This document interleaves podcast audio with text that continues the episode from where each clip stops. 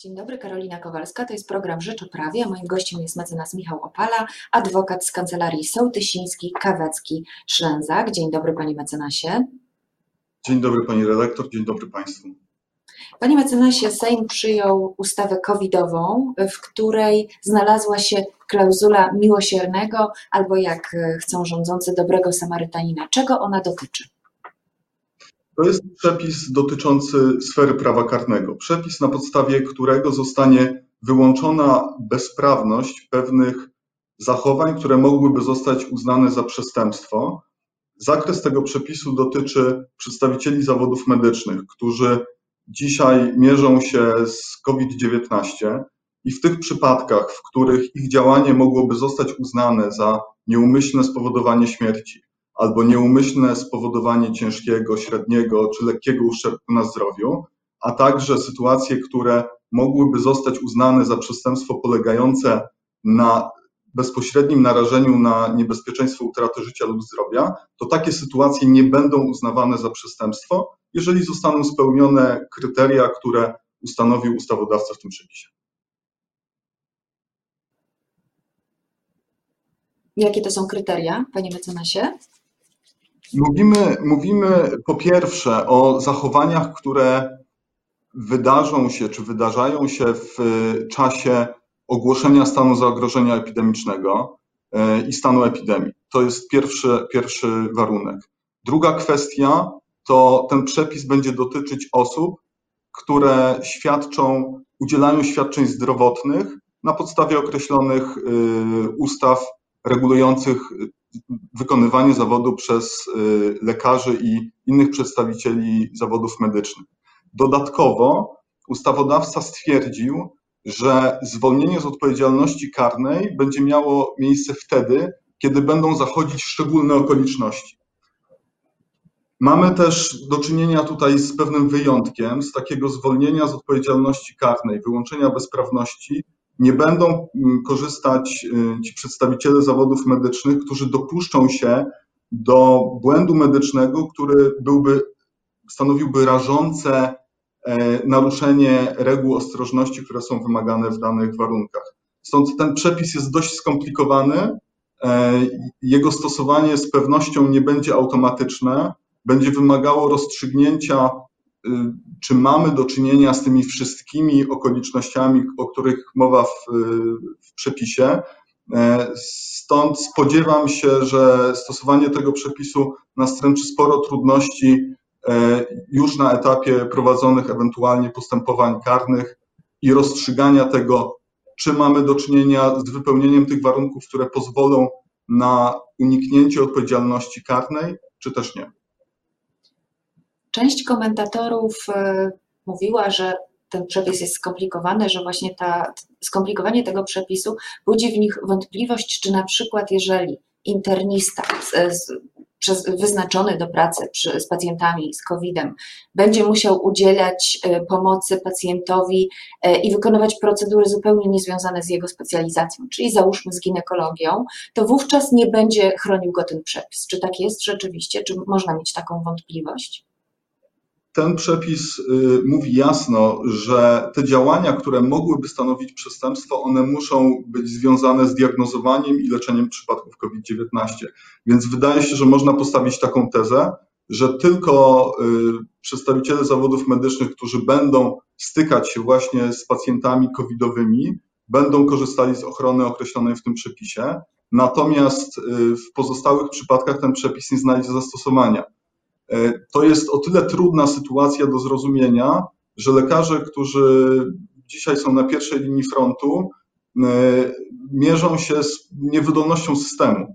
E, dzisiaj mamy potężne braki kadrowe wynikające z tego, że też lekarzy i przedstawicieli zawodów medycznych dotyka choroba COVID-19, więc oni nie mogą stawiać się w pracy.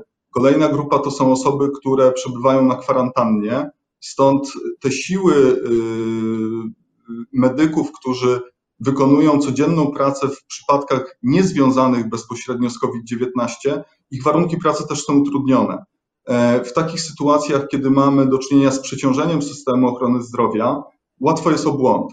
I niestety ustawodawca nie dostrzegł, nie przewidział obowiązywania tej klauzuli właśnie w takich przypadkach, w których nie dotykamy bezpośrednio pacjenta, który jest zakażony COVID, czy nie diagnozujemy tej choroby, a wykonujemy inne procedury medyczne. W takim przypadku niestety ta klauzula nie będzie miała zastosowania, a sytuacja tych osób, które leczą przypadki COVID-19, diagnozują je, jest niezwykle trudna i e, pracują oni pod ogromną presją. Panie mecenasie, szef Naczelnej Rady Lekarskiej, profesor Andrzej Matyja, e, mówił, że ten przepis e, rozczarowuje lekarzy, bo dotyczy zwolnienia tylko i wyłącznie z odpowiedzialności karnej, a nie odpowiedzialności zawodowej czy cywilnej. Czy słusznie? Tak, to prawda. Ten przepis dotyczy tylko y, odpowiedzialności karnej. Odpowiedzialność odszkodowawcza, odpowiedzialność cywilna pozostaje bez zmian. Lekarze wciąż będą ponosić odpowiedzialność cywilną w tym zakresie za błąd w sztuce medycznej. Tak samo ubezpieczyciel, jeżeli warunki y, ubezpieczenia będą y, obejmować takie przypadki, również będzie odpowiadać. I tak samo szpital. Z drugiej strony, jednak patrząc na tę sytuację, trudno jest wyobrazić sobie e, taki stan rzeczy, w którym pacjent, który zostałby poszkodowany e, w ramach procesu leczenia, nie miałby do kogo skierować swoich roszczeń. Więc ja sobie wyobrażam sytuację, w której w ramach tego ważenia interesów, z jednej strony ochrony lekarzy, którzy pracują pod y, dużą presją i w trudnych warunkach, a z drugiej strony pacjentów, którzy mogą zostać poszkodowani, to wyobrażałbym sobie takie rozwiązanie, w którym ta odpowiedzialność zostałaby zdjęta z lekarzy, ale ona nie, nie zostałaby wyłączona. Ona zostałaby przykierowana na przykład na skarb państwa, a w tym przypadku lekarz nie ponosiłby y, odpowiedzialności cywilnej. Jeśli chodzi o odpowiedzialność y, dyscyplinarną, zawodową, no to jest to odpowiedzialność y, podobna do odpowiedzialności karnej. Ona ma charakter sankcyjny, jest związana z naruszeniem zasad wykonywania zawodu i wydaje się, że te, te przypadki, które e, są objęte klauzulą miłosiernego Samarytanina, powinny również znaleźć odzwierciedlenie w przepisie, który mówiłby o tym, że nie ma odpowiedzialności dyscyplinarnej w analogicznych przypadkach. Panie mecenasie, kolejną wątpliwością taką dotyczącą tej klauzuli jest y, odpowiedzialność studentów medycyny. Oni mogą być skierowani do pracy przy zwalczaniu COVID. Czy taka klauzula, zakładając, że wykonywaliby czynności medyczne, obejmuje także ich? Tak, ta klauzula będzie miała zastosowanie do wszystkich osób, które mogą zostać skierowane do diagnozowania i e, stosowania procedur medycznych, udzielania świadczeń zdrowotnych e, w przypadkach właśnie związanych z COVID-19. Na podstawie e, tej przyjętej ustawy istnieje możliwość skierowania studentów, którzy przygotowują się do wykonywania zawodów medycznych, ale także innych osób, na przykład osób, które E, ukończyły studia na kierunkach medycznych, natomiast nie wykonują zawodu. E, jeżeli ukończyły w ciągu ostatnich pięciu lat e, takie studia, to istnieje możliwość, aby te osoby zostały właśnie na podstawie decyzji skierowane do pracy przy zwalczaniu, przy, przy leczeniu osób zakażonych. I jeżeli zdarzy się tak, że taka osoba w sposób nieumyślny doprowadziłaby do śmierci, czy, czy jakiegoś spowodowałaby nieumyślnie uszczerbek na zdrowiu takiego pacjenta, to ta klauzula również znajdzie zastosowanie do tego typu przypadków. Problemem tutaj, myślę, są te przesłanki, które, które są określone w taki sposób bardzo szeroki, e, w mojej opinii niestety bardzo niebezpieczne. E, ustawodawca tutaj mówi o tym, że E, zwolnienie z odpowiedzialności, czy przestępstwem, nie, nie będziemy mieli do czynienia z przestępstwem, kiedy osoba, lekarz czy medyk będzie pracował w szczególnych okolicznościach. Dla mnie jest to szczególnie niebezpieczne, szczególnie niebezpieczna regulacja z tego względu, że nie mamy tutaj żadnego punktu odniesienia. To jest niezwykle pojemny worek, do którego możemy wrzucić bardzo różne stany faktyczne, i to dopiero na etapie stosowania tych przepisów będzie się ważyło to, w których przypadkach prokuratura, sąd dostrzeże te szczególne okoliczności, a w których nie. Z drugiej strony, y, dodatkowo wręcz y, powiedziałbym, że ten przepis ma uspokajać lekarzy i przedstawicieli y, zawodów medycznych, którzy są w trudnej sytuacji. Natomiast wprowadzenie takiej ogólnej klauzuli właśnie szczególnych okoliczności powoduje, że lekarze mogą czuć się zagrożeni, ponieważ nie będą wiedzieli, w jakich przypadkach ten przepis znajdzie zastosowanie. Czy sama sytuacja pandemii nie jest szczególną okolicznością? Tak bym powiedział. To jest naturalne rozumienie tej sytuacji, natomiast czytając przepis, e, musimy mieć na uwadze to, że ten przepis ma pewne ograniczenie czasowe. On dotyczy sytuacji, kiedy istnieje ogłoszony stan zagrożenia epidemicznego albo stan pandemii, i tylko w tym czasie przepis będzie obowiązywał. Dodatkowo ustawodawca wprowadził to postanowienie o szczególnych okolicznościach, więc wydaje się, że te szczególne okoliczności powinny zaistnieć w ramach tego stanu pandemii. Kłopot polega jednak na tym, że aby mówić o szczególnych okolicznościach, powinniśmy ustalić jakiś stan normy. I nie wiemy, gdzie, w którym momencie istniał stan normy w ramach w ramach y, stanu zagrożenia epidemicznego czy, czy stanu epidemii. I w związku z tym będą istniały moim zdaniem poważne kłopoty na gruncie wykładni i stosowania tych przepisów, właśnie ze względu na, te, y, na, to, na to ogólne sformułowanie szczególnych okoliczności.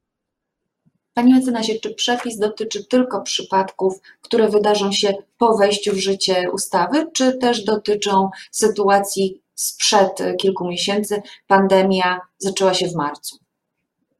W związku z tym, że y, przepis y, mówi o stanie pandemii, tak, i o sytuacjach, które się wydarzają w y, czasie obowiązywania e, tego, tego stanu, to uważam, że również do sytuacji, które się wydarzyły kilka miesięcy temu, czyli tak naprawdę od marca, kiedy został ogłoszony stan zagrożenia epidemicznego, to te sytuacje z przeszłości, jeszcze sprzed wejścia w życie, zostaną objęte działaniem tego przepisu i zachowania, y, które miały miejsce, nie zostaną uznane za przestępstwo, a w związku z tym nie będzie odpowiedzialności karnej wobec lekarzy czy innych przedstawicieli zawodów medycznych za takie zachowania. To teraz ostatnie pytanie. Czy z jednej strony lekarze, a z drugiej strony pacjenci mają prawo, mogą czuć się bezpieczni w związku z tym przepisem? E, myślę, że przede wszystkim lekarze nie, nie mogą czuć się bezpiecznie, e, z tego względu, że ten przepis pozostawia wiele do życzenia, jak chodzi o jego sformułowanie i jego przejrzystość. Z pewnością nie daje komfortu wykonywania zawodu w tak trudnych czasach, e, a poza tym nie adresuje trudnego problemu, w jakiej znajduje się cała branża medyczna, związana z przeciążeniem w mojej ocenie ta klauzula powinna mieć nieco szerszy zakres.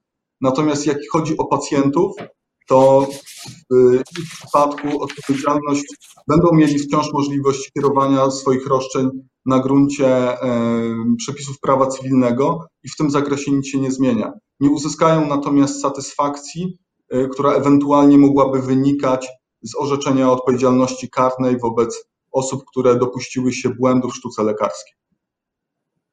Dziękuję bardzo Panie mecenasie. Moim gościem był mecenas Michał Opala, adwokat z kancelarii Sołtysiński, Kawecki, Szlęzak. Dziękuję. Bardzo dziękuję Pani redaktor, dziękuję Państwu. Do widzenia.